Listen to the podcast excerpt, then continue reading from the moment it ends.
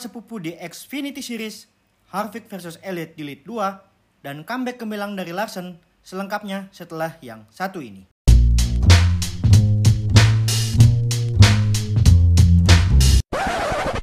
Break it up. One behind him.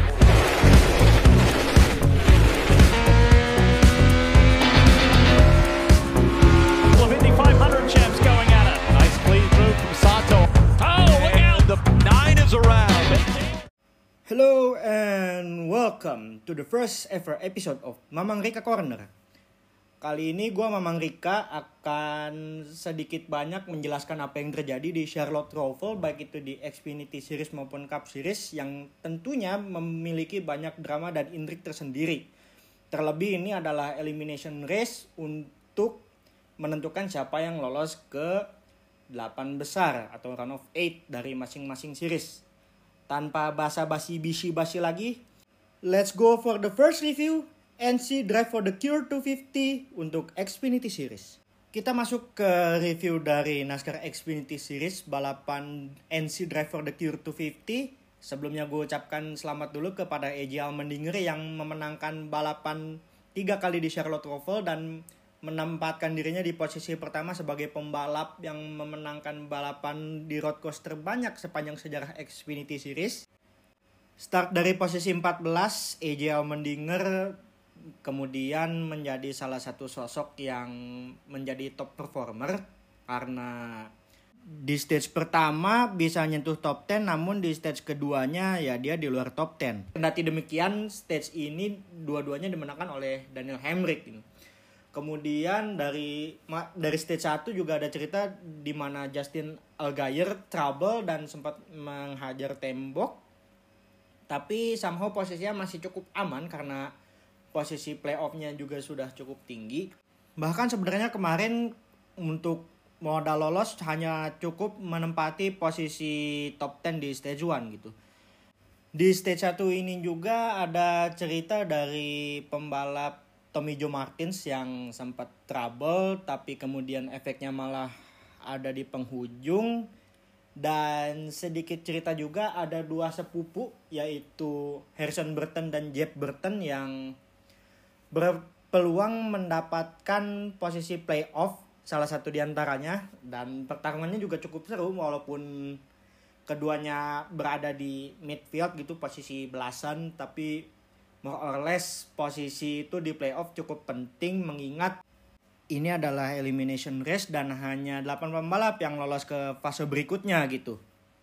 Stage 2-nya somehow cukup seru dan banyak pertarungan dengan strategi flag pit yang beragam juga dengan ya tadi sempat disinggung juga pemenangnya adalah Neil Daniel Hemrick tapi dengan perjuangan yang sengit untuk melawan Justin Haley dan Austin Cindric masuk ke stage 3 di mana semuanya berjalan cukup ya somehow cukup lancar dengan ada beberapa insiden-insiden kecil kayak Ty Gibbs yang nyelonong di siken belakang atau bahkan Almendinger pun kalau nggak salah sempat juga nyelonong karena nyelonong di siken sama dengan stop and go gitu kan hingga akhirnya tadi yang sempat disinggung Tommy Joe Martins kembali trouble dan menyebabkan di empat lap terakhir itu pembalap harus menjalani caution dan dan itu menyebabkan terjadinya kocokan lagi di antara pembalap-pembalap. Apakah dia harus pit apakah dia stay out dengan ban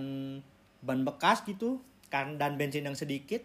Dan pada akhirnya ya bisa dibilang overtime-nya malah jadi seru karena ada pertarungan kayak Almendinger terus Sam Mayer yang merupakan pembalap junior motorsport yang sebenarnya nggak masuk playoff sih tapi performanya cukup bagus uh, dan di belakangnya ada Austin Cindric itu kejar-kejaran mereka berdua terus kemudian puncaknya ada di lap terakhir ketika Sam Mayer akhirnya nyelonong dan harus stop and go Austin Cindric akhirnya menepati posisi kedua di belakang AJ Allmendinger dan bisa dilihat juga kemarin itu balapannya finishnya agak chaos gitu di belakang-belakangnya. Wow, pokoknya di weekend terakhir tuh kayak Ty Gibbs, kemudian ada Noah Gregson, segala macam banyak yang spin juga, tapi akhirnya balapan dimenangkan oleh AJ Allmendinger yang menempatkan dirinya tadi sempat dibilang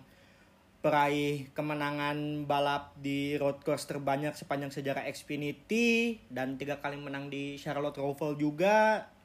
Ya untuk penampilan Almenir kali ini bisa dibilang sangat-sangat bagus karena tadi udah sempat gua singgung dia start di posisi 14 dan merangkak naik merangkak naik akhirnya bisa memenangkan balapan ini ada cerita unik juga itu dari Brandon Brown salah satu pembalap yang bukan dari pembalap playoff yang karena chaos di tikungan terakhir itu pas final lap mobilnya sempat spin dan akhirnya memutuskan untuk finish dengan cara unik mundur. Mundur bener-bener pakai gigi mundur finishnya walaupun ya akhirnya dia terlempar ke posisi 22 tapi finishnya yang unik itu ya sedikit bisa jadi entertainment sih. Uh, overall balapan Xfinity kali ini cukup menghibur dan ya kita tunggu saja nanti balapan berikutnya. Hasil dari balapan ini menentukan untuk pembalap yang masuk ke run of 8. Untuk pembalap yang lolos ke run of 8 di Xfinity Series ini ada AJ Allmendinger, Austin Cindric, Justin Allgaier, Noah Gragson, Daniel Hemrick, Justin Haley, Harrison Burton, dan Brandon Jones. Mungkin untuk dari Xfinity segitu dulu. Kita akan masuk ke review Cup Series. And yeah, a race. A race. Tiga stage kita dibiarkan nggak terlena begitu aja.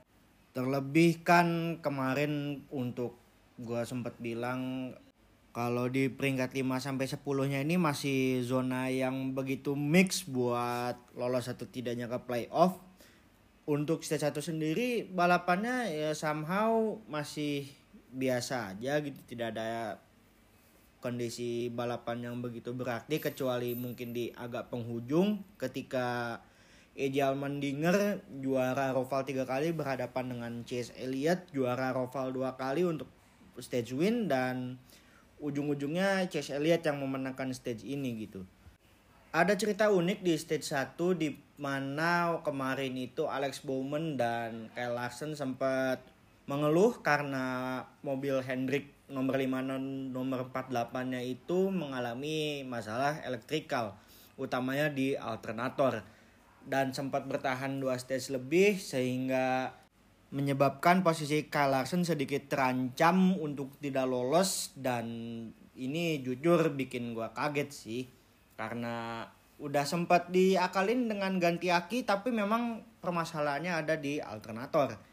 Untuk stage 2 sendiri balapannya gimana ya? Masih cukup ini sih masih cukup berimbang lah. Uh, terlebih oh ya lupa sempat gua sebut kalau Brad Keselowski juga posisinya cukup terancam karena di weekend belakang dia sempat spin di stage pertama kemudian di stage 3 juga dia sempat spin tapi itu masih bahasan agak ke belakang sedikit. Kyle Busch di stage 2 ini cukup dominan dengan mengunci kemenangan stage kemudian disusul Chase Elliott dan Kevin Harvick yang mungkin bisa jadi ini pertanda bakal menjadi duel seru antara keduanya mengingat kejadian di elimination race di Bristol kemudian start di stage ketiga lap baru beberapa jalan dan ya terbukti uh, Harvick versus Elliott kembali terulang dengan Harvick yang terlihat sengaja menyundul mobil Chase Elliott sehingga Chase Elliott nabrak tembok. Kemudian di turn masuk oval Chase Elliott juga sempat nyenggol Colcaster dan menyebabkan adanya caution. Posisi ini jelas tidak menguntungkan gitu untuk baik untuk Elliott maupun Harvick karena dua-duanya otomatis sekarang berada di zona eliminasi dan mobilnya Chase Elliott pun untuk belakangnya saat ditabrak itu dia mengaku bahwa track barnya di bagian belakang itu rusak. Jadi mau nggak mau dia harus speed dan ngelak ban bumper belakangnya dengan dekletnya karena deklit itu yang sangat dibutuhkan di balapan road course. Karena nggak ada deklit bisa didiskualifikasi. Kemudian Chase Elliott uh, berjuang mulai dari posisi terendahnya sampai akhirnya dia bisa nyampe di top 20 kemudian William Byron secara mengejutkan dia leading the race sangat dominan dan ya menunjukkan tanda-tanda dia akan lolos gitu. Kalian mungkin ingat kalau gua saat ngomong di episode 67 di Lambe Racing gue sempat berujar gitu kalau misalkan untuk William Byron dan Alex Bowman gue mohon maaf gitu kecuali satu di antara kalian bisa memenangkan balapan dan memberikan kejutan mungkin salah satu dari kalian bisa lolos ke playoff dan bikin pembalap lain kecewa gitu. Terlebih kan kemarin posisi Chase Elliott juga tidak aman-aman aja kemudian Kyle Larson juga tidak aman-aman aja setelah ngebetulin alternator di antara stage 2 dan stage 3 kemudian ya balapan terus berjalan begitu seru dengan Denny Hamlin, Tyler Reddick, Chris Buescher dan William Byron yang rebutan posisi pertama hingga akhirnya bumper belakang dari Chase Elliott memutuskan untuk copot dan menyebabkan adanya caution gitu. Dan gue lihat di sini perang strategi mulai terjadi di mana ada pembalap yang memilih untuk menggunakan ban bekas atau hanya sekedar mengisi bensin atau ya memilih untuk mengganti ban dan mengisi bensin semuanya tergantung dari para pembalap mengingat ya sudah tidak banyak lagi gitu jumlah lap di stage 3 ini. Dan posisinya juga somehow untuk beberapa pembalap masih tidak aman terutama di posisi 5 6 7 8 kemudian stage berlanjut hingga akhirnya ada kejadian yang bikin semua fans itu kaget ketika Kevin Harvick nabrak tembok di turn 1 dan semua penonton pun bersorak. Mengingat di stage 2 tadi sempat dibilang kalau Harvick itu nyundul Chase Elliott dengan sengaja gitu. Sebagai balasan dengan apa yang dilakukan Elliott katanya di Bristol. Mobilnya Harvick hancur dan asanya untuk masuk round of 8 juga hancur Kemudian ya caution lagi seperti biasa. Mulai dari stint terakhir ini terlihat bahwa ada Kyle Larson, kemudian Tyler Reddick, Chris Buescher, dan William Byron yang mencoba berebut ke posisi nomor satu. Gua sih kemarin sempat berharap antara Almendinger atau William Byron gitu yang menang. Dua-duanya performanya cukup solid, tapi sayang untuk Almendinger dia nggak bisa ngawinin lagi piala Xfinity dan Cup Series untuk satu track yang sama karena permasalahan di mesinnya. Sedangkan untuk William Byron dia terlalu fokus untuk battle dengan Tyler Reddick sehingga akhirnya memberikan kesempatan Kyle Larson buat ngacir. Kejutan lagi di dua lap terakhir ketika William Byron kemudian nyelonong dan mobilnya nggak bisa diselamatkan dengan cepat sehingga akhirnya membuat dia otomatis tidak lolos ke run of eight gitu. So close yet so far tapi apa mau dikata William Byron juga sudah memberikan yang terbaik dan kemudian Kyle Larson finish di urutan pertama diikuti Tyler Reddick dan Chris Buescher di posisi ketiga Kyle Busch di posisi keempat, Denny Hamlin di posisi kelima, Matt Di Benedetto di posisi keenam, pencapaian terbaiknya dia di Roval kemarin kemudian ada Joey Logano Christopher Bell yang sayangnya tidak selamat karena dia juga posisinya harus menang. Ryan Blaney, Alex Bowman, William Byron akhirnya finish di posisi 11 kemarin dan Chase Elliott di posisi ke-12 tadi juga sempat disebutkan kalau misalkan William Byron, Alex Bowman dan Christopher Bell itu mereka wajib menang untuk lolos ke babak berikutnya namun sayangnya mereka bertiga tidak lolos gitu Sedangkan ini juga menjadi berkah untuk Brad Keselowski yang finish di posisi ke-20 dan Martin Truex Jr. yang finish di posisi ke-29. Dua-duanya di stage 3 juga tadi sempat gue bilang untuk Keselowski dia juga spin lagi dan Martin Truex di belasan lap terakhir juga dia disundul sama Joey Hen pembalap dari Rick Racing dan kemenangan Larson ini mencatatkan dirinya sebagai pembalap yang memenangkan tiga balapan road course dalam satu season, sebuah sejarah baru bagi NASCAR dan selamat sekali lagi untuk dia dan tim nomor 5 Hendrick Motorsport. Dan ya eh, berhubung kemarin juga elimination race maka akan gue sebut siapa aja pembalap dari Cup Series yang lolos ke babak berikutnya di Texas, Kansas dan Martinsville yaitu ada Kyle Larson, Denny Hamlin, Kyle Busch, Joey Logano, Brad Keselowski, Ryan Blaney, Chase Elliott, dan Martin Truex Jr. Oh ya BTW Xfinity juga balapan round of 8-nya ada di tempat yang sama Texas, Kansas, dan Martinsville. Untuk track series rupanya round of 8-nya itu ternyata sudah dimulai dari Las Vegas mengingat jadwalnya sendiri track series tidak sepadat balapan-balapan di atasnya Xfinity dan Cup.